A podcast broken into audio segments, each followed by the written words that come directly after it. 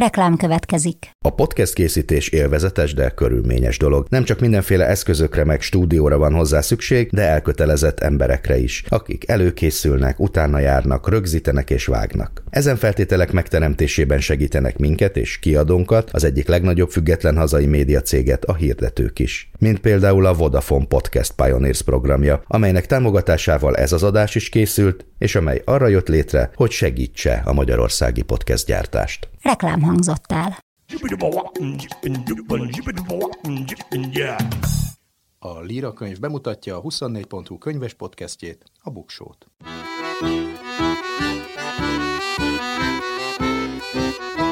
Ez itt a Buksó, olvasásról, könyvekről, mindenféle jóról. Én Nyári Krisztián vagyok.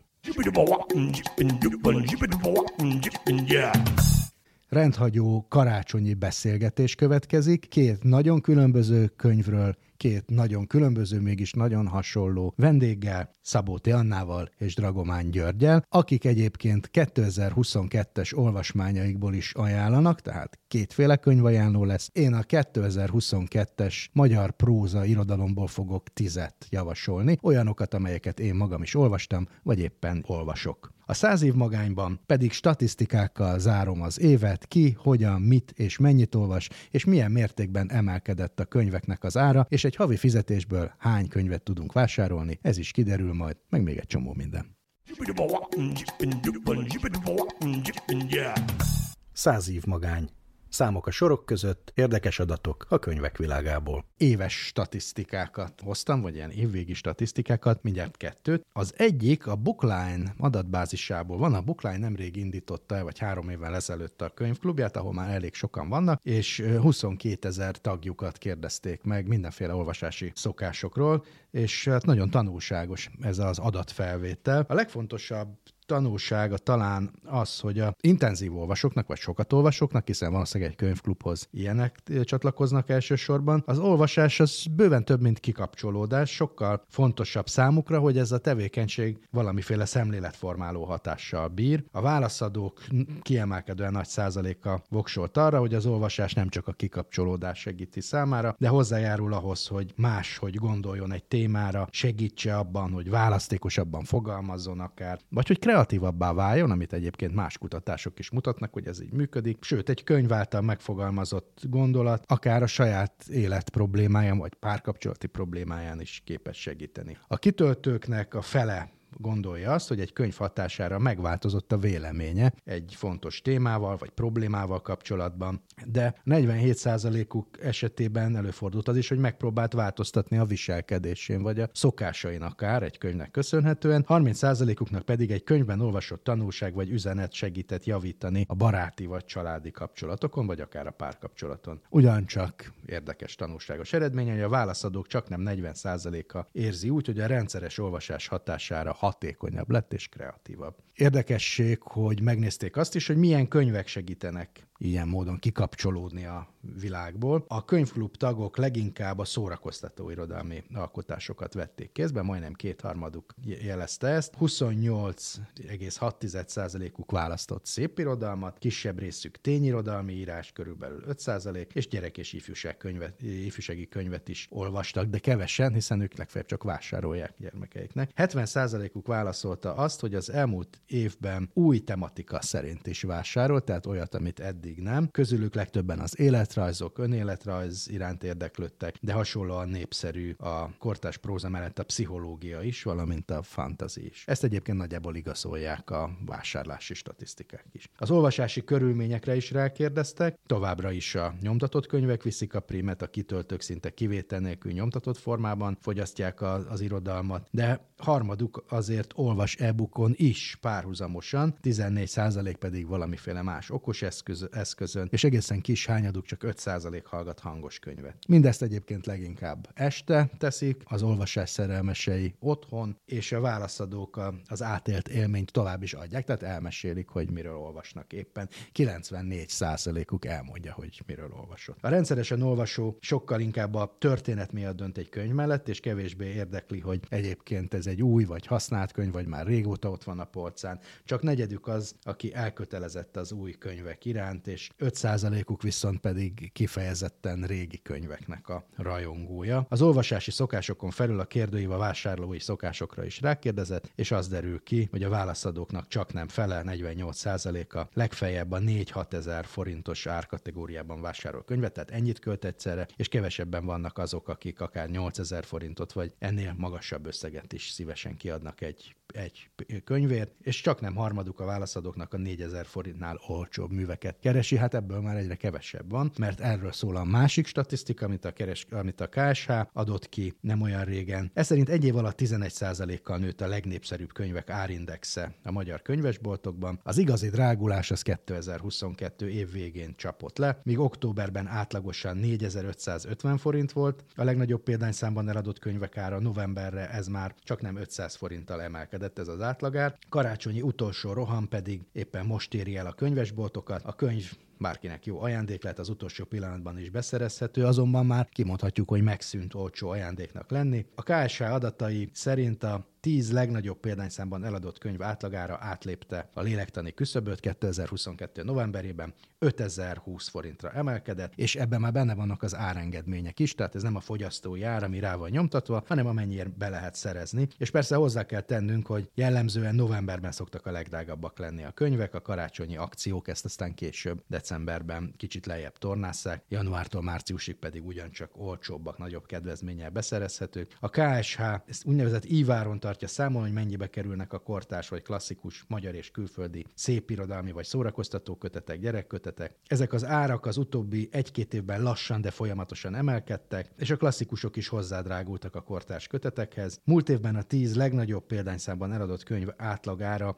4190 forint volt a KSH adatai szerint, miközben 2012-ben még csak 3420 forint, viszont 2012-ben a nettó átlagfizetésből, ami akkor 144 85 forint volt, 42 könyvre futotta volna. 2021-ben a nettó átlagbér már 291.812 forint volt, és ebből már 69 kötetet lehetett venni, tehát hiába a drágulás több könyvhez juthatott hozzá, aki akart vásárolni. Ha a havi szintű árhullámzást is megvizsgáljuk 22-ben, akkor látható, hogy jelentősebb drágulás következett be egy év alatt. 5020 forint volt novemberben a 10 legnagyobb példányszámban eladott könyv átlagára. Ebből az utolsó ismert szeptemberi átlagbérből, ami a KSH szerint 335.195 forint, 66 darab jött volna ki, tehát valamivel kevesebb, mint egy évvel ezelőtt három könyvvel kevesebb. Egyébként már KSH szerint 2020-ban is volt egy számottevő könyváremelkedés, 21-ben viszont nem, most pedig egy nagyobb bacska áremelkedésnek lehetünk szemtanúi. Egyébként a tavalyi év egész világon rekordforgalmat hozott a könyvpiacon, Magyarországon is, de aztán a 2021 őszén kirobbanó energia és szállítási válsága, meg a papírára azt érték el, hogy idén minden összeadódott az inflációval, úgyhogy becslések szerint a tavalyi év eleje óta, tehát közel két év alatt típusoktól eltérően 20-30 30%-kal drágult a könyv ára. Szerencsére az olvasási kedv egyelőre nem lankadt, még mindig van egy kis idő, hogy beszerezzük az utolsó utáni karácsonyi ajándékokat. Könyvembereink ezúttal Szabóti Anna és Dragomán György. Ti vagytok az első visszatérő vendégei a Buksó történetének, ez a 43. epizódunk. Külön-külön már mind a ketten voltatok a vendégeim, de most ez egy karácsonyi adás, ahol hosszasabban, kötetlenebbül beszélgethetünk, és egyszerre még, még nem is voltatok itt. Máshol már voltatok, ti szoktatok azért közösen menni különböző műsorokba, meg ilyen beszélgetős helyekre. Podcastban sose voltunk még együtt.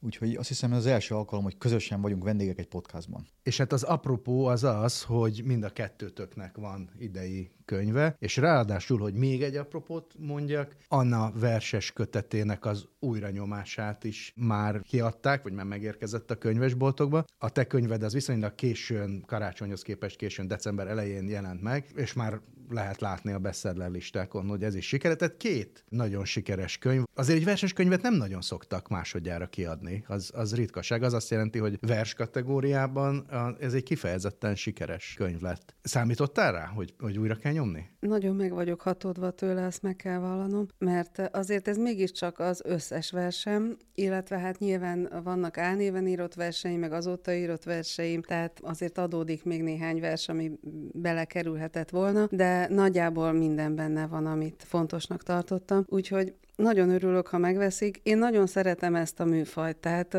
mikor Kántor Péternek megjelent, vagy ezeket az összerakóz Kizsuzsának, azért az inkább válogatott volt, de nagyon jó érzés. Mostanában szoktam megvenni külön a régi kiadásban a József Attila reprinteket, a Vörös Sándor reprinteket, tehát kötetenként is jó olvasni, de azért ez így jobb, hogy akárhol felüthetjük az életművet, és megnézhetjük, hogy mit írt 20 évesen, 30 évesen. Jó érzés. Azért ez, ennek a könyvnek az esetében ez nem egy klasszikus összegyűjtött verseny, hiszen még egy plusz kötetnyi új vers is van benne, tehát aki ezt megveszi, az nem csak megkapja az eddigi köteteidet, hanem kap egyet pluszba. Ami azt is jelenti, hogy aki egyébként gyűjtötte, az is vegye meg, mert van benne új is. Hát elég sok új vers van benne, igen. Most, hogy Kántor Pétert emlegettük, ma reggel is Kántor Péterről beszélgettünk, az egész úgy kezdődött, hogy Kántor Péter születésnapjára írtam egy verset, és akkor abból lett egy ilyen kötetnyitó vers az első napja, és e köré szerveződött egy egész kötetnyi vers, új vers. Ti számon tartjátok, hogy melyik kötöknek melyik a legsikeresebb, már hogy a legnagyobb példányszámban eladott könyve egyébként? Hát igazából nem, mert szerencsére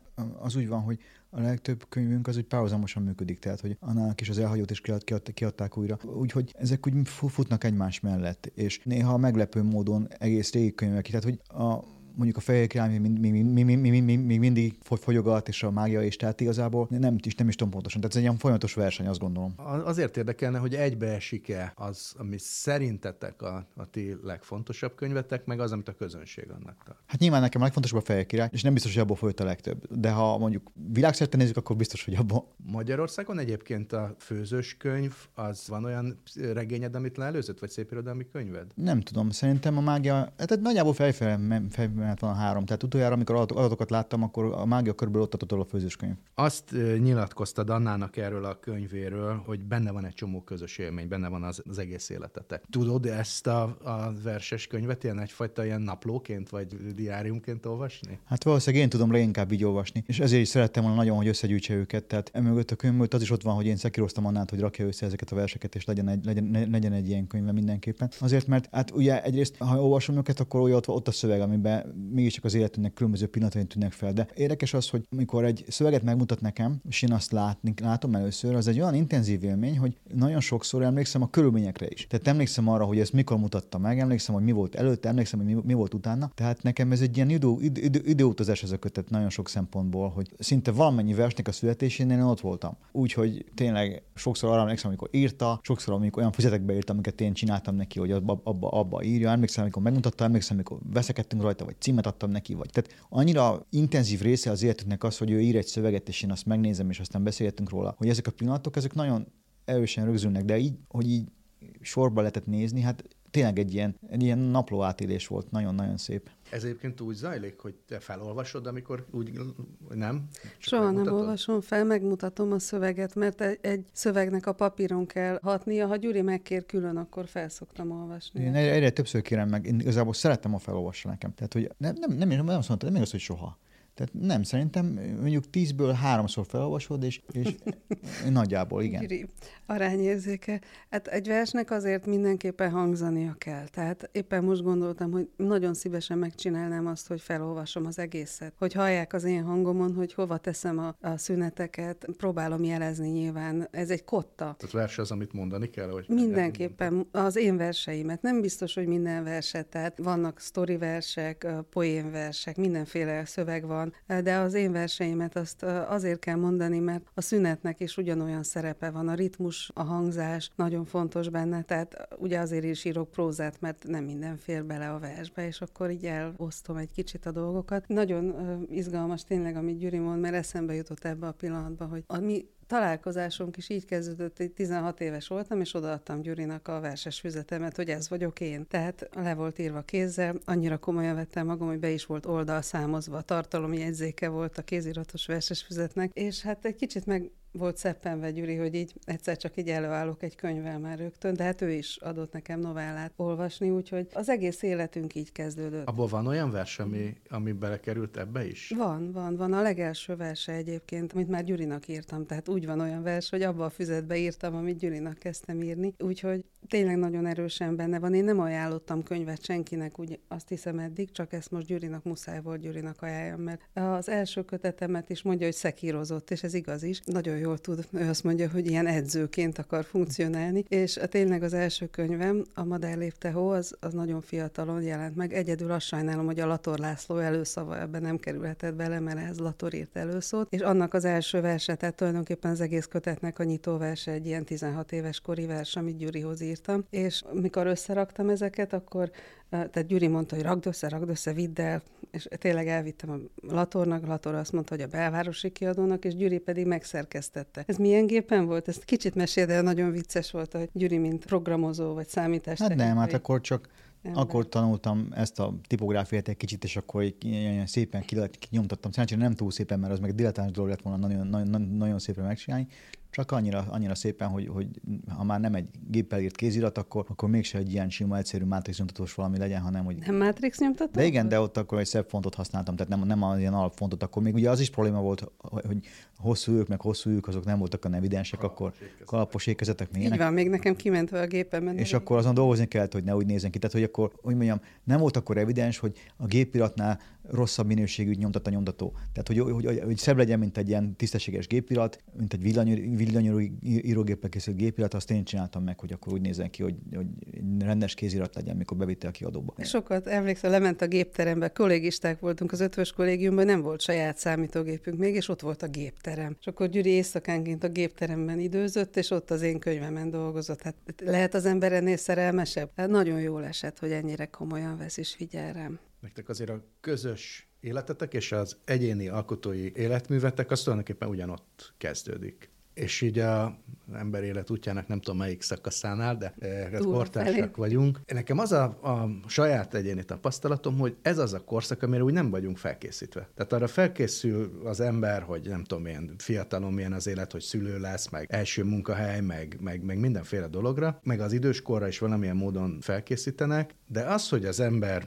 középkorú, azon adottságnak veszik, hogy ezt úgy majd megszokod. Amikor mondjuk végigmész az életműveden, elolvasva ezeket a verseket, ezeket a létrafokokat, akkor rá tudsz úgy tekinteni, hogy honnan, hova jutottál el, és, és ide érkeztél, vagy ugyanúgy olvasod őket, mint amikor, amikor először kötetbe rendezted? Nem hiszem, hogy sokat változtam. Egyébként nyilván az ember tanul, meg dolgozik, de a kíváncsiságom ugyanaz, és a lélegzetvételem is ugyanaz. És az, hogy nem változtam rengeteget, az azért annak köszönhető, hogy Gyuri mellett, tehát nagyjából azért stabil életem volt. Tehát az érzelmi amplitúdók azok másfélék voltak, mint aki mondjuk nagyon sokat szenved mindenféle külső dolgok miatt. Nemes Nagy Ágnes jut eszembe mindig, hogy a csak jó, se hal, se hús, én nem vagyok manikeus, az örök üdvösséget én nem unnám, mondta ő. Hát ez egyfajta ilyen stabilitást adott, egy örök üdvösséget adott eddig, hát hogy örök, azt nem tudom, ezt sose mondjuk, hanem mindig azt mondjuk, hogy azért jó volt, ami volt, de hogy azt hiszem, hogy nem, nem az történt, hogy valahonnan valahova eljutottam, hanem hogy írok.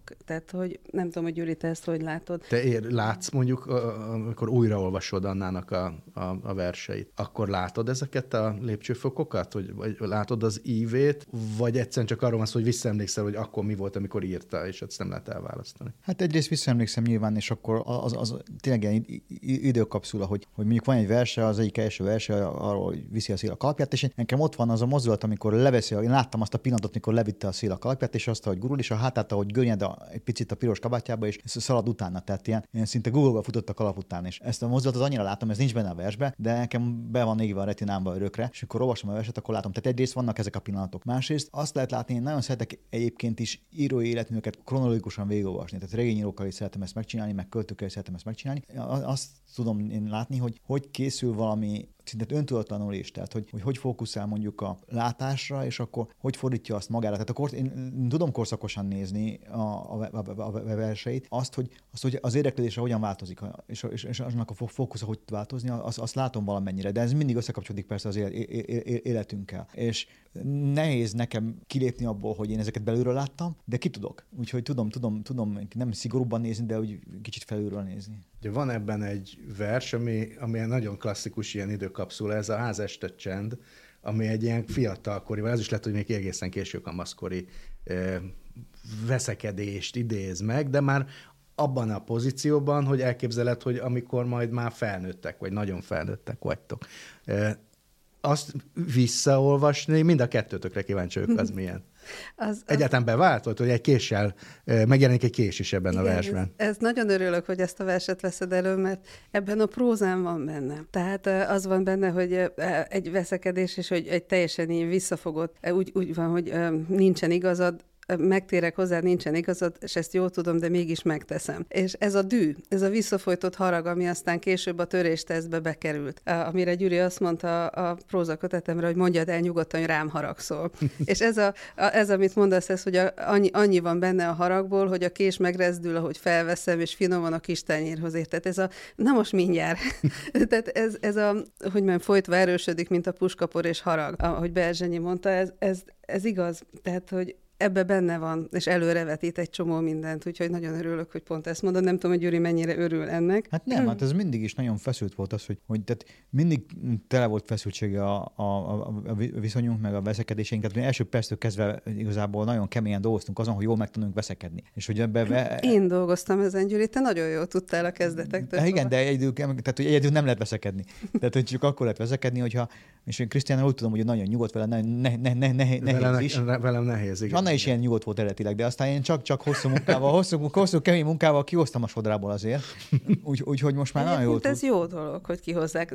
De, hogy a sodor az nem mindig jó. Tehát, hogy, hogy ki, kilépni, kicsapni a keretek közül, szerintem ezért hálás lehetek neked. Egyébként biztos nem írtam volna így prózát, hogyha te nem bosszantasz fel. Hát az biztos, hogy sokat bosszantjuk egymást. Tehát, és akkor én igazából kamaszkoromban is ezt éreztem, hogy ez a, ez a, ez a bosszantás fontos, és ez a feszül, feszültség fontos, és nyilván az írás feszültségét az ember megpróbálja szétrakni, és akkor beleteszi a kapcs- kapcsolataiba, és bele tudja tenni. Tehát mi azt nagyon pontosan tudjuk, hogy néha azért veszekszünk egymással, mert nem megy a másiknak a munka. Vagy én azért veszekszem vele, mert nem megy nekem a munka. Attól még pont olyan fájdalmas neki, hogy én veszekszem vele, és, és fordítva is. Tehát, hogy ez, ez az ilyen remegő, visszafolytott feszültség, mert néha kikirobbanó, ez az első perctől kezdve ott van. Tehát ezt ő, mikor akkor megírta, akkor lehetett sejteni, hogy ez nem fog változni. És ez van, hogy így kocog a késsel tányér szélén? Hát nem, mert inkább oda, oda verem. Tehát ne, de ez, ezek nem, nem, hogy mondjam, technikák arra, hogy, hogy azt mondta Gyuri, meg én is mondta, hogy, hogy ez vívás. Tehát, hogy vedd fel a kardot, hogy nem szabad meg elbújni. Van egy vers ebben a kötetben arról is, hogy az ember meg legszívesebben az ágy alá bújna, és ott sír, síró, sírókálna. De ez nem technika, tehát, hogy az embernek meg kell tanulnia, amit egyébként az ötvös kollégiumban is elég erősen nevelték az embert erre, hogy konfrontálódjon. Tehát vegye a kardját meg a pajzsát, és álljon ki, és anélkül nem is lehet író az ember. Tehát anélkül, hogy mondjam, nem is kés kell az ember kezébe, hanem kard, mert ugye a kés az agressziót feltételez, a kard viszont viszont küzdelmet, tehát egyenlő küzdelmet feltételez, és a, ez az egyenlőség küzdelem, ez egy nagyon fontos dolog számunkra mindig. És az másik szempontjainak az eltanulása, mert Gyuri nagyon sokat tanított nekem arról, erről a fajta feszültségről, én viszont nagyon sokat beszéltem neki arról, hogy mondjuk mi zavaró. A 30 évvel ezelőtti énetek az mit szólna a mostanihoz? Azt hiszem, hogy nem lenne különösebben meglepődve, mert nem változott olyan sok minden, ugyanazt csináljuk. Tehát ugyanúgy ülünk, most már azt hiszem, még mindig ugyanabban a fotelben is ülök tulajdonképpen. Van már egy másik is, és, de, de, de, de, még mindig ugyanabban, az, ugyan, ugyanabban a székben ülök, és ugyan, ugyan, ugyan, ugyanúgy dolgozom. Az jó lett volna tudni akkor, hogy mondjuk be fogom fejezni a következő könyveimet. Tehát az ember, azt hiszem mind a ketten örültünk volna annak, ha tudjuk, hogy mondjuk, nem tudom, de tehát hogyha tudom előre, hogy Annának lesz 50 es korára ilyen kilenc kötetet össze, össze, összefoglaló könyve, az lehet, hogy megnyugvást adott van, de akkor meg lehet, hogy a feszültség is kell ahhoz, hogy, hogy megcsináld, hogy a bizonytalansága, hogy mégse, még, mégse lesz kész. Tehát ez egy érdekes játék, hogy én mindig boldog lennék, ha tudnám, hogy a könyvem befejeződik, de ha tudnám, hogy a könyvem befejeződik, akkor meg nem lenne ott annak a kockázata, hogy mégse fog befejeződni. És azt hiszem, az íráshoz mégiscsak kell ennek a, ennek a kötéltánc része, hogy le lehessen esni. Tehát az a kockázat, hogy le, le, le lehessen esni. Úgyhogy azt hiszem, hogy elégedett lenne a 20, a 20 éves korom önmagam azzal, ami, ahol most vagyok, mert ezt akartam tulajdonképpen, mind a ketten ezt akartuk, hogy azok a könyvek, amiket szeretnénk megírni, azok megíródjanak valahogy. És akkor az reménytelenek tűnt, de mégse tűnt annak, mert ott ültünk és csináltuk. Azt róla tudom, hogy már akkor is elég tudatosan tudtad magadról, hogy író vagy, amikor még nem jelent meg tőled semmi. De azt például elképzelted volna, hogy lesz két gasztró témájú sikerkönyved? Hát ez olyan furcsa játék, mert val- valójában ebből a könyvből tudtam meg, amit most írtam, hogy az első írásom, ami megjelent nyilvánosan, a neve, nem is a nevemmel, de mégiscsak tőlem, az egy gasztroírás volt. Tehát amikor az egyetemen írtam a regényemet, teljes titokba, éppen abban a gépteremben is, amiről, amit az Anna, Anna előbb emlegetett, akkor közben a egyetemi fali, a kollégiumi faliúságra írtam egy receptet, vagy nem, öt receptet egy ilyen gasztronóm álnéven, és azokat így kitettem oda, és azt olvasták, tehát a közönség olvasta, de nem tudták, hogy én vagyok, vagy nem, nem mindenki tudta, nem volt evidens. És ezt annyira elnyomtam magamba, hogy teljesen elfejtettem. Tehát mikor a főzős könyvet megírtam, összeraktam és megírtam, akkor én nem emlékeztem arra, hogy ezeket írtam. Tehát, mert akkor az az időszak arról szólt, hogy Anna már költő, én író akarok lenni, írom a regényem valahogy közben végezem az egyetemet, és mikor készített a regényem és megjelent, azt az egész időszakot azokkal a félbehagyott írásokkal, meg ilyen kudarcokkal teljesen, teljesen elfejtettem. De valójában azok már azok, ez, ez, ez, az már ez a fajta írás volt, ami a főzős könyv lett. Tehát igazából a reg, ahogy már akkor is azt csináltam, amit most abban az értelemben, hogy a regény írása párhuzamosan annak a kinyát valahogy le, levezetve recepteket írtam. Csak aztán kitöröltem az egészet az anyamból. Ha akkor megmondja, azt mondja nekem valaki, hogy lesznek ilyen, ilyen irodalmi szakácskönyveim, akkor nagyon megijedtem volna, ha nem mondja meg azt is, hogy regényeim is lesznek.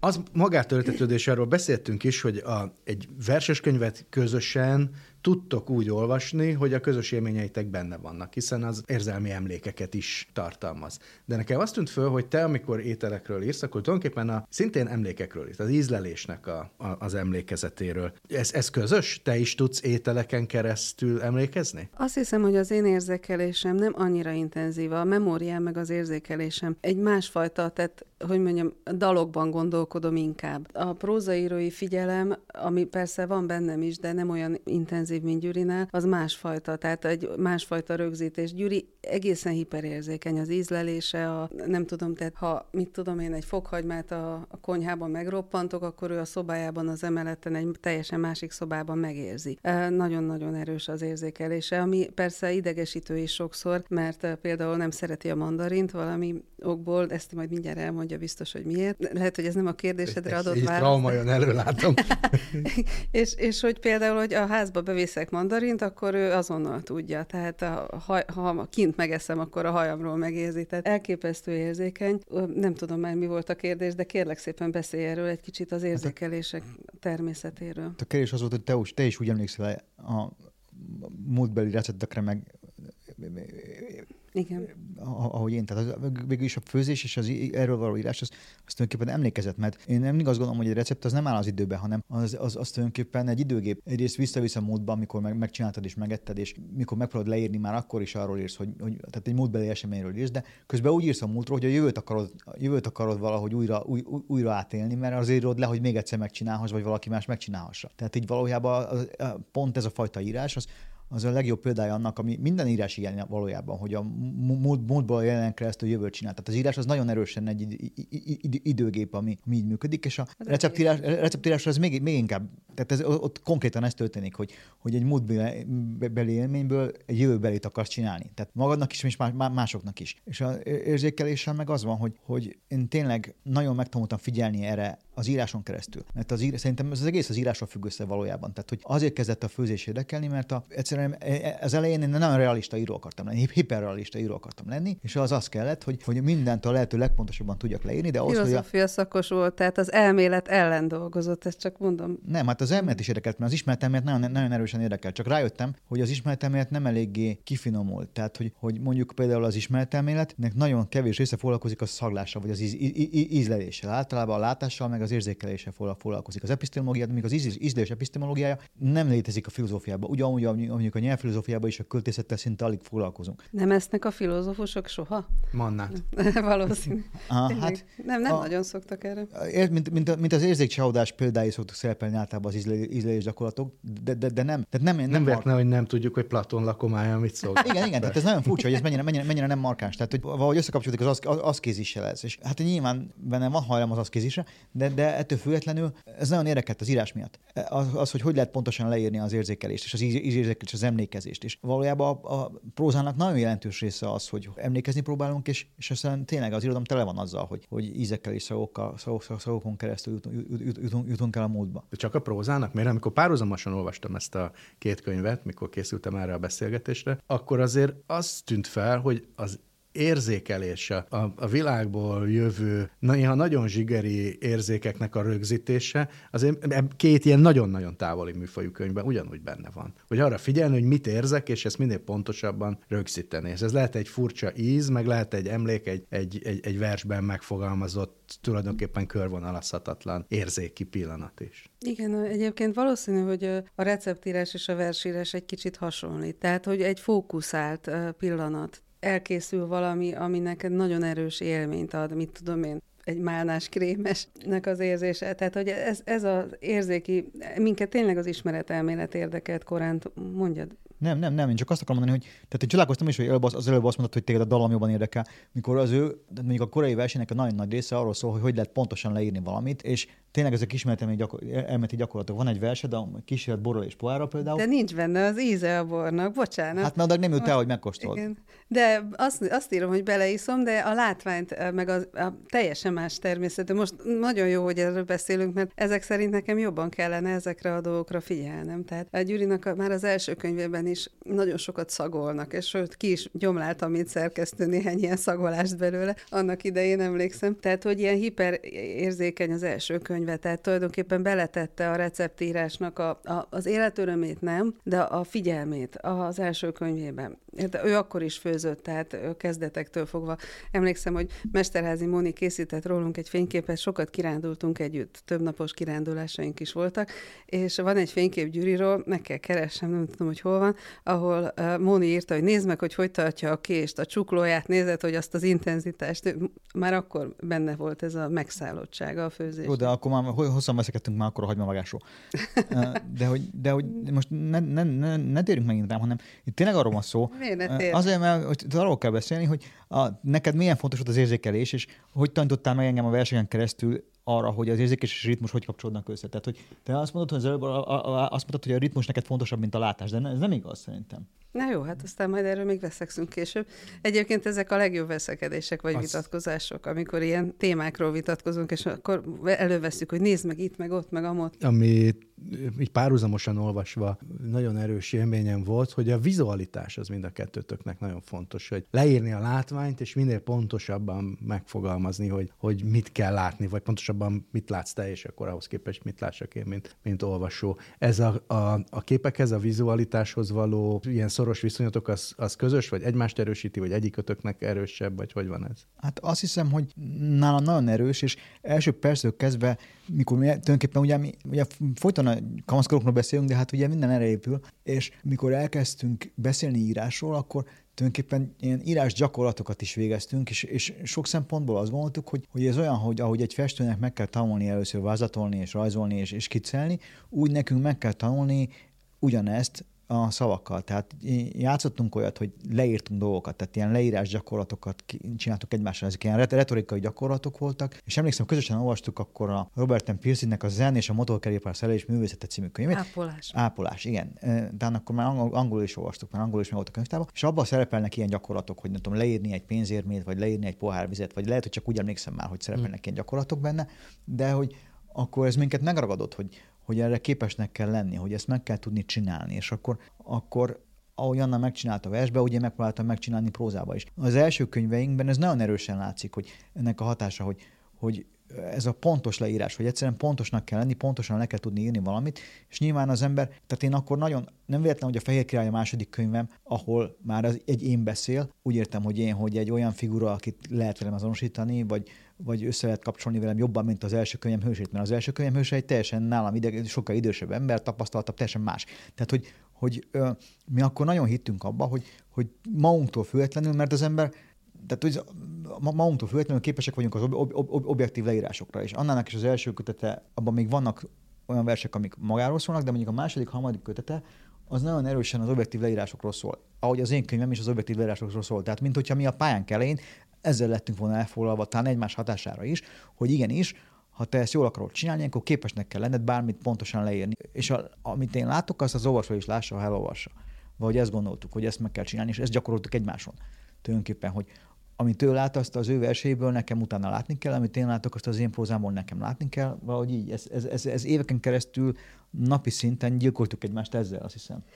Igen, ez egy szándékos törekvés volt számomra az, hogy objektív költő szeretnék lenni, hát ez nyilván Eliott és Nemes Nagy Ágnes hatása is, ami azt jelentette, hogy megpróbáltam kivonni magam a versből, és akkor az elhagy kötettel történt meg az, hogy nem érdekel tovább az, hogy én kivonjam magam a versből, és ez ugye az anyaságnak a mindent elsöprő élménye volt, és azt hiszem, hogy a receptírásban is segített ez az objektív leírási kísérlet végül. Tehát az irodalmi módszerek az irodalmi szakácskönyvírásba is segítettek. Ez most jutott eszembe erről, amit mondtál, hogy lehetséges, hogy arra is kell a párhuzamosan írt irodalmi szakácskönyv, hogy neked tulajdonképpen ez a műfaj, ahol nem vonod ki magad. Igen. Tehát, hogy itt Igen. ez, ez nem egy, egy objektíven tőled külön, megkülönböztetető másik beszélő, ez Dragomán György, aki gyermekén örül az ételek ízének, és leírja, hogy mit, neki, neki milyen élményei voltak. Nagyon Hát igen, ez egy nagyon őszinte könyv ebből a szempontból, hogy ebben tényleg, amit magamról állítok, az úgy is van. Tehát, hogy a, itt, amit az elbeszélő állít a receptekben, hogy ezt vagy azt csináltam, azt tényleg, tényleg jó, valóban megcsináltam, vagy legalábbis megpróbáltam megcsinálni. Úgyhogy, úgyhogy ebből a szempontból igen. De másrészt azért is van szükség rá, én azt tudom, hogy, hogy a, az érzékiséggel való viszonyra ez tulajdonképpen egy gyakorlat nagyon sok szempontból. Tehát az, hogy most majd érzé, hogy közben érzéki dolgokat írok prózában, ahol, ahol a, az érzékiség nem feltétlenül a gasztronómia szintjén, hanem akár az erotika szintjén jelenik meg, ahhoz kellnek azok a gyakorlatok, hogy, hogy hogyan lehet leírni ízeket és egyáltalán testi benyomásokat pontosan. Tehát én tulajdonképpen azt is gondolom, hogy, hogy ahogy az első regényemmel felkészültem arra, hogy majd receptekről, recepteket írok ilyen pontosan, de mégis azért nagyon szubjektíven, úgy ezzel a két könyvvel is készülök valami másra párhuzamosan. Tehát, hogy én mindig párhuzamosan, párhuzamosan, párhuzamosan dolgozom, és ez is egy felkészülés valami másra, vagy egy skiccelés valami, valami máshoz. Tehát ha majd egyszer az egész életműben felülről lehet látni, úgyhogy már, már mondjuk további 30 év múlva, ha oda eljutunk, lehet majd nézni, akkor majd lehet látni, hogy ez, ahogy az első regényen erre készültem, többek között, úgy e, ez, ezzel is készülök majd valamire, vagy készülök valamire, ami, ami, ami éppen, éppen zajlik. Ah, mondjad. És az meg tényleg jó, hogy, hogy én ugye a naplóm az, az ilyen titkos műfaj, tehát hogy én írok, írok, írok naplót elég régóta, de nagyon, nem, nem, nem elég rendszeresen, de abból sosem közöltem semmit. És a, én sem láttam, az, az, az, eszéírásra is az a bajom mindig, hogy ez valahogy engem mindig estett, hogy az ember csak úgy magáról ír. Mert úgy éreztem, hogy hát az nem érdekes, sokkal érdekesebb egy, egy történetet megírni. És pedig van -e már néhány eszém, és annak például, hogyha én vagyok az Anna edzője, akkor Anna az én, én edzőm mindig mondja nekem, hogy most már írjam meg az eszékötetemet, mert itt az ideje befejezni, mert van egy félkötetre való, és fejezem be. És valószínűleg ez a főzős könyv arra is egy felkészülés, hogy, hogy nem tudom, merjek magamról írni, hogy azt gondoljam, hogy érdekes az, hogy én főzök valamit meg, mert a, mikor elkezdtem ezt írni, a, ott, ott még a gasztronóm főzött, nem én főztem és az, hogy ezt kimerjem mondani, hogy hát ezt én főzöm, és ez az én történetem, és ez érdekes, mindig az voltam, hogy én nem vagyok érdekes. A regény érdekes, a próza érdekes, az, ami a papíron van, az érdekes. És az, hogy én ott legyek a papíron, ahhoz kellettek ezek a könyvek. Azon gondolkozom, hogy amiatt ugye kérdezted, hogy az irodalomban nagyon ritka a direkt örömleírás nagyon nehéz is az örömről írni. A, a Azért neked vannak ilyen verseid. Vannak, vannak, de kaptam is a fejemre érte. Tehát nem igazán, tehát, sőt, hazugsággal is vádoltak, meg hasonlókkal.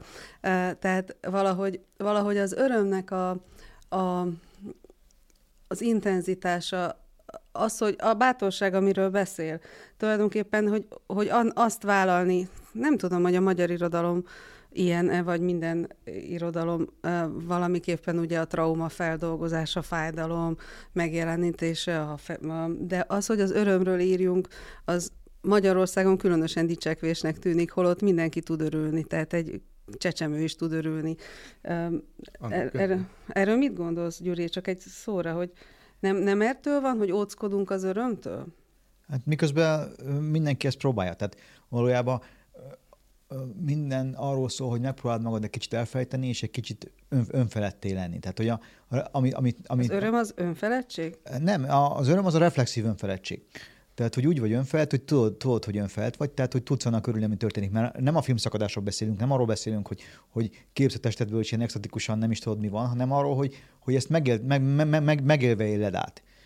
De az írói lét az mégiscsak nem azt is jelent, hogy folyamatosan reflektáltnak kell lenni. Tehát, hogy rögzíted magadba, hogy mi történik veled. Azt hiszem, te mesélted valamilyen ilyen interjú helyzetben Szabó Magdának Igen. azt a történetét, hogy még csókolózás közben is rögzíteni kell, hogy ezt majd meg tudjam írni. Igen, igen, ez, ez szerintem tehát egy óriási megfosztottság.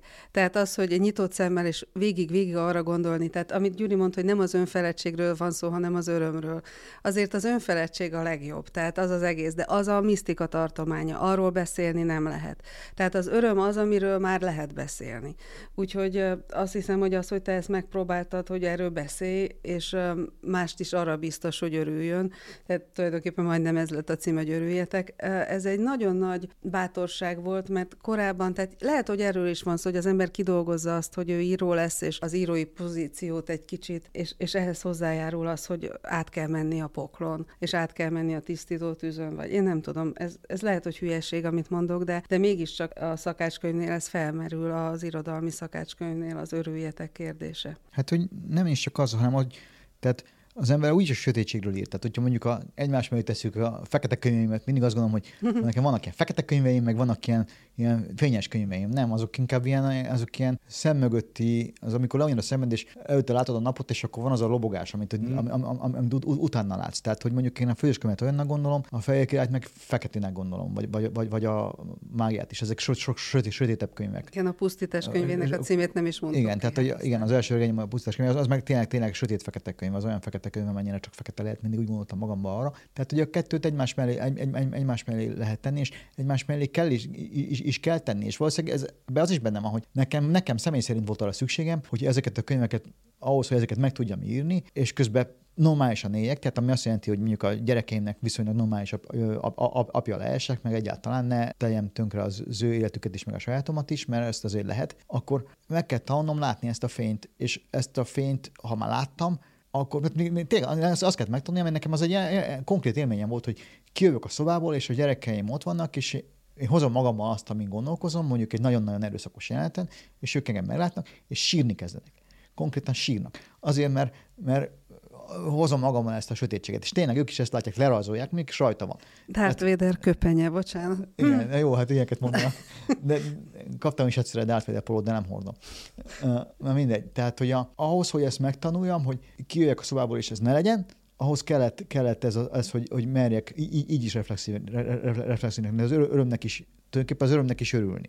És ez vicces volt tulajdonképpen, mert ezt nagyon akarni kellett. Tehát eredetileg ez nem ment könnyen, és, és, és idegesítős volt, mert a többieket is biztatom arra, mert ezt egyedül nehéz csinálni, tehát ez partnerek kellnek. És a, a valószínűleg rettetes idegesítő az, hogy az asztalnál mindenkit arra kényszerítek, hogy igenis figyeljen arra, hogy mi van a tányéron, és a jó dolgoknak örüljön, mert akkor tudok én is örülni, ha ők is örülnek, és egy ilyen közös gyakorlatot kellett végigcsinálni nekem velük, és nekik velem ahhoz, hogy, ahhoz, hogy ez műk, műk, működni tudjon, és akkor utána már le lehetett írni. Tudtok önfeledten együtt enni? Hát hogy ne. Abszolút, nagyon, nagyon tudunk. Tehát... Amikor először volt saját lakásunk, akkor eh, tényleg annyira önfeledten ettünk, főztünk, és hogy általában így degeszre is ettük magunkat, egy cserge volt a szőnyeg helyett a földön, és a csergére ráfeküdtünk, és nem tudtuk mozdulni. Annyira önfeledten ettünk, hogy nem volt semmi reflexió az örömnek a, a teljességével, mert akkor tudtunk ugye ketten enni először. Ilyen karácsonyi evés emlékek vannak, amiket így fel lehet idézni? Ó, hát persze mikor mondjuk először sütöttünk egészben, mondjuk meg, megsütöttünk egészben egy libát, ez egy karácsonyi alkalom volt, és akkor a, nem tudom, előtte négy napig sós vízbe állt, állt a liba, hogy kellően zamatos legyen, és akkor nehéz volt megoldani, hogy elf, mi, mi, mi, mi fér el egy egész liba. Tehát az már önmagában hogy mi fér el egy egész, egész liba, és akkor rájöttünk, hogy a, a hűtőszekrény zöldségre tartó rekeszét kivesszük, akkor az abba, abba pont elfér. És akkor a zöldségeket, ezeket ki kellett vinni a, a, a gang, gangra, emlékszel? A gangon kell tartani a zöldségeket, hogy azok ne, ne el, el, el, el, el, a libát mégsem lehet kitenni a gangra, mert félsz, hogy megeszi a macska vagy valami. Úgyhogy, és amikor azt megsütöttük azt a libát, akkor volt ez a bőség, hogy van egy akkora állat, hogy még mindig van. Még mindig van. És ott eljöttek, tehát hogy nálunk volt az egész család, és ez a liba tökéletesen sikerült, és, és még mindig vágtunk belőle, és még mindig, még mindig, még mindig volt, mert ez egy ilyen hatalmas. Tehát az előtt sose sütöttem, sütöttem libát. És az emlék az annyira eszembe jut, mikor arra gondolok, hogy bőség, erre a szóra, ami egy ilyen érdekes szó, mert, mert nekem az a szó kicsit mindig fordítás az a szó, hogy bőség, mert van a román bélsuk szó, ami nagyon szerepelt a gyerekkorunkban több ilyen versbe, de valójában nem volt bőség egyáltalán, tehát nem volt ez a bőség, és akkor ezt lefordítani. Úgyhogy arra mindig vágytunk erre a bőségre. Az bőség az, mikor nem kell nézni, hogy mennyi úgy jut-e másodnak is, mert úgy is jut. Tehát azt hiszem ez a bőség. Egyébként mindig arra, szólt a gyerekkorunk, hogy ha van is valami, akkor abból is neked van egy részed, és ne, ne edd el a többiek elől. A bőség az, mikor nem tudod eladni a többiek elől, mert annyi van.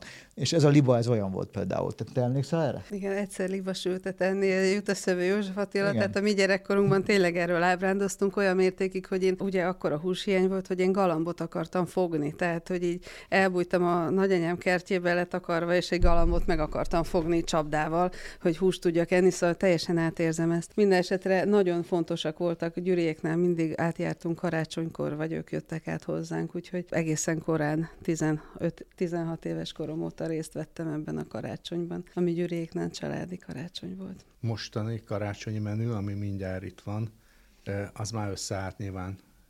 Lehet abból valamit elmesélni?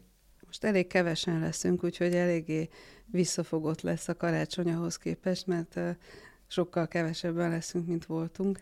Igen, most úgy, úgy hát alakult, a kisgyerekeseknél vannak a karácsonyok. Igen, úgy alakult, hogy most az első olyan karácsony, amikor tulajdonképpen megint csak négyen leszünk, vagy lehet, hogy csak öten, vagy öt, öt, öt, öt, öt, öt, öten leszünk, vagy négyen leszünk.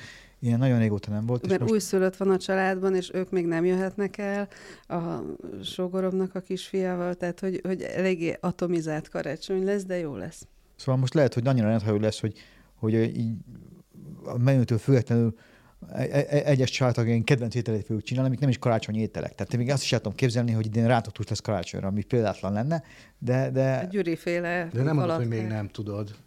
E, az biztos, hogy rántott hús lesz, rántott hús falat. Nem, nem, nem, még, még lesz. sok... Én úgy, úgy képzelem, hogy te már hetek előtte egy Excel táblából fölírtad ezeket. Nem, eddig mindig így volt, de eddig most, mindig így volt, de most ez, nem. ez az év, ez egy kicsit speciális ezért, mert... Um... Tehát, hogy idén improvizálni fogunk, mert, mert egyáltalán ugye még például, tehát hogy betegek is voltak többen, többen a családban, egyáltalán nem volt biztos az, hogy, hogy egyáltalán négyen vagy öt, öt, öt, öten el tudunk ülni. Tehát ez egy nagyon rendhagyó év ebből a szempontból, úgyhogy itt most könnyen lehet, hogy, hogy tehát néhány alap dolog már elkészült, mondjuk édesanyám már megcsináltuk már libamáját. Tehát az biztos, hogy lesz, mert az minden évben van. És az, azt, azt édesanyám már együtt mindig, mindig megcsináljuk. De még mézes se sütöttünk. De ide, tehát, hogy az ide, ide fogok, év, fogok. Az, az, az, tehát így máshogy készültünk az ünnepre, azt hiszem úgy készültünk, hogy juss, juss, jussunk el odáig, és tavaly nagy főzés volt, remélem jövőre is nagyobb főzés lesz, de idén olyan lesz, hogy ilyen kedvenc ételek lesznek. Ez csökkenti a lelkiismeretfordásomat, mert még én sem tudom teljesen. Ó, akkor nekem is csökkenti, mert nekem azért van lelkiismeretfordásom, de azt hiszem, hogy az utolsó nap úgyis kitalálunk valami speciálisat, tehát hogy ez, ismerem Gyurit. Meg az is benne van, hogy... Hagyma lekvárt például biztos megcsinálja. Sok minden el fog készülni, de azt hiszem, hogy ez olyan lesz az év, hogy valószínűleg karácsony után is főzni fogunk. Tehát, hogy, hogy például én tudom, hogy kapok majd ajándékba egy ízesítő kemencét valószínűleg, és akkor lehet, hogy karácsony másnapján pizzát fogok sütni egy teljesen rendhagyó módon. Így a végén arra kérnek titeket, hogy ennek az évnek a sumázataként ajánljatok könyveket a, a, a, a Buksó hallgatóinak, hát ha azért, mert még gyorsan meg tudják eh, kérni a szeretéket, hogy vegyék meg nekik, vagy pedig a jövő évet azzal kezdhessék. Akkor én kivételesen most,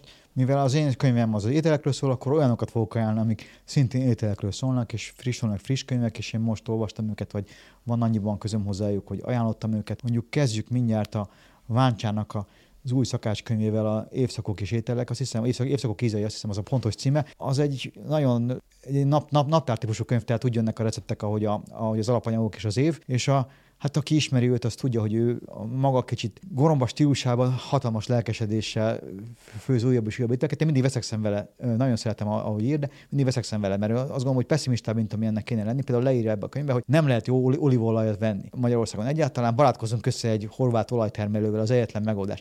De valójában nem így van. Tehát lehet két, két hét is nagyon, nagyon, nagyon jót lehet venni, a világ legjobbet is meg lehet, meg lehet venni. Tehát lehetne szerintem kicsit optimistább, de a könyv nagyon jó. Tehát az, az, az, az legyen az első első. Aztán a másik, az is egy hasonló irodalmi igényű szakácskönyv, a Rubin Testernek a Mi tesztek ti otthon Mannát című könyve, ami egy szép klasszikus emancipált zsidó konyha, úgyhogy minden recepthez van egy történet is, ami, ami valahogy egy ilyen élet, élet, élet kontextusába helyezi. Én vagy Körner András könyveihez, könyveihez mm. olvasnám hozzá, és akkor a Körner két könyv meg ez a könyv, az úgy nagyjából a kortás Budapesti zsidókonyhának az összes össze, össze, össze szépségét azt abból, abból meg lehet találni.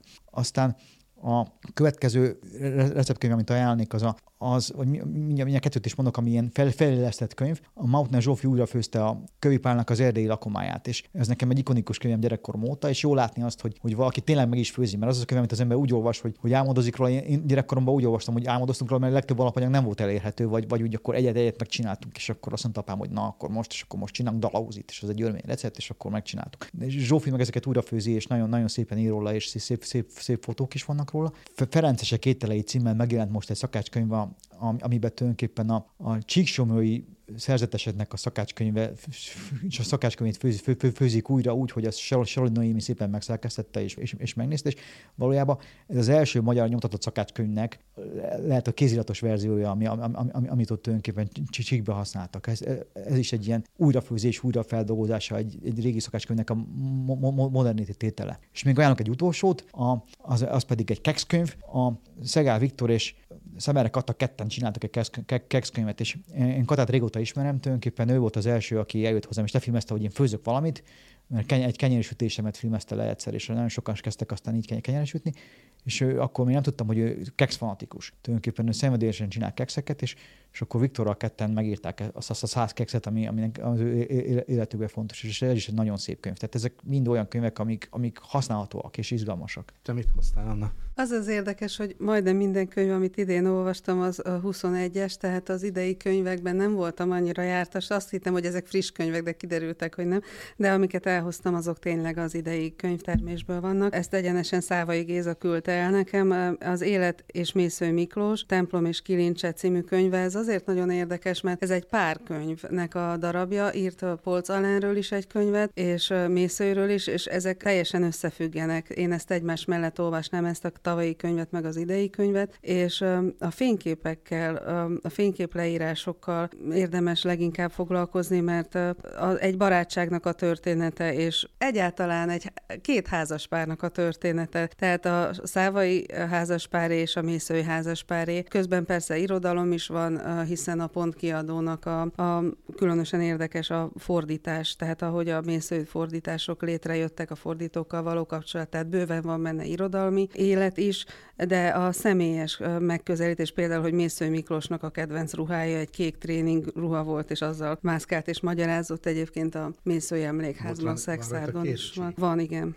Igen, itt van a kék ruha megmutató. Szóval egy borzasztó izgalmas fotóanyag, és egy, egy számomra nagyon érdekes, ezt végig is olvastam, nem tudtam letenni. A második könyv az Molnár Krisztina Rita Hosszú utazás című verses kötete. Ebből azt hiszem, hogy hosszas leírás helyett, amit beszélhetnék ugye az anya-gyerek kapcsolatról, a múltról, a sok mindenről, egy nagyon hihetetlenül izgalmas kortás költőről van szó, amit szintén hát költőt hoztam, de nem a költőnek a verseit, hanem a prózáját, Radnóti összegyűjtött prózai írások. Ez megjelent korábban is, de ez most Ferenc Győzőnek a nagyon alapos szövegszerkesztő gondozásában jelent meg. Ugye ez Ferenc Győzőnek a csodálatos Radnóti életrajzát, azt nem tudom eleget ajánlani, de hát ez nem friss könyv, csak örök friss. Én kétszer olvastam végig, és mind a kétszer belázasodtam, annyira megrendítő az a könyv. Amit még hoztam, ez teljesen soron kívül azt nem hoztam el, de egy csodálatos Pilinszki kézirat is megjelent, egy barátjának összeállított összeállított kéziratos kötet, de ezt annyira eltettem karácsonyra, tehát így magamnak tettem el karácsonyra, hogy éppen csak belenéztem, így, így a sarkát felhúztam és megnéztem, és elképesztő, csodálatos könyv, de erről most nem beszélek többet, mert még nekem is meglepetés lesz. Még két magyar szerzőt hoztam, van Garaci Lászlónak a Veszteg, ez egy, csak elkezdtem olvasni, úgyhogy sokat még nem tudok róla mondani, csak arról, hogy hát ez egy karanténregény, és hát a Garaci mondatai, a humorérzéke, a ritmusérzéke egyszerűen makulátlan, úgyhogy látom, hogy nagyon fogom szeretni, és egy bónusz még Eszterházi Miklósnak a Mána és a Csotrogányok című könyvét. Nagyon szeretem az Eszterházi könyveket, most már mondhatom, hogy van újra Eszterházi könyv, de hát megkérdeztem Miklóst a Lírás Tudokban, hogy van-e neki apa komplexusa, és mondta, hogy igen, úgyhogy erről ne is beszéljünk. Egy teljesen más Eszterházi próza, nagyon szerethető, nagyon szép számomra, hát egyszerűen felszabadító, úgyhogy ez egy igazi karácsonyi könyv. Köszönöm. Top 10. Egy polsznyi jó könyv. Szubjektív könyvajánlót hoztam, ezúttal magyar prózaköteteket ajánlok.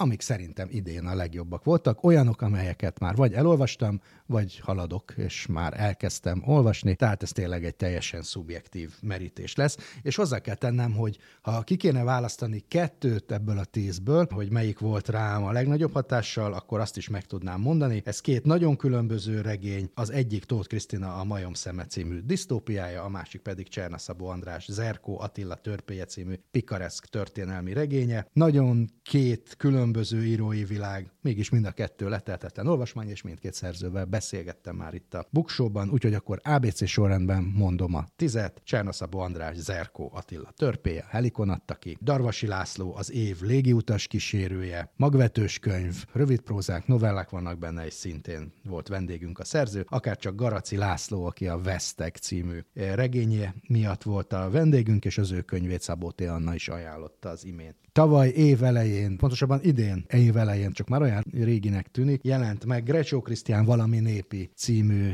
novellagyűjteménye. Februárban, tehát lassan egy, egy éve, ezt is mindenképpen ajánlom az idei termésből. Akár csak Kunárpát, Takarító férfi című regénye, amely szintén magvetős. A jelenkor gondozásában jelent meg az év egyik meglepetése, Nádas Péter Rémtörténetek című regénye, aminek talán az az érdekessége, ő még nem volt itt, ez is egy érdekesség, de leginkább az, hogy ezeket a 70-es években írt jegyzeteinek a felhasználásával írta meg, és sok ponton kapcsolódik a Nádas életműhöz, de nagyon különbözik is attól, van benne falu, hatalmi játszmák, apaság, szexualitás, ösztönélet, erőszak és rengeteg káromkodás. Rakovszki Zsuzsa az idők jelei, című könyve, magvetős könyv ez is. Egy igazi történelmi regény, aki szereti ezt a műfajt, és ráadásul a, magas irodalmon belül annak mindenképpen ajánlom. Én még az elején tartok. Tóth Krisztina a Majom szeme, erről beszéltem az idén, ez az egyik legnagyobb könyvélményem. Szintén az elején tartok még, de biztos, hogy e, visszatérek még rá Viski András Kitelepítés című önéletrajzi regénye jelenkor gondozásában jelent meg idén. Végül pedig Závada Pál Apfelbaum Nagyvárad Berlin című verses regénye, a szerző volt is nálunk, ezt is a magvető adta ki 2022-ben. Jó olvasást, meg jó könyvajándékozást kívánok! thank you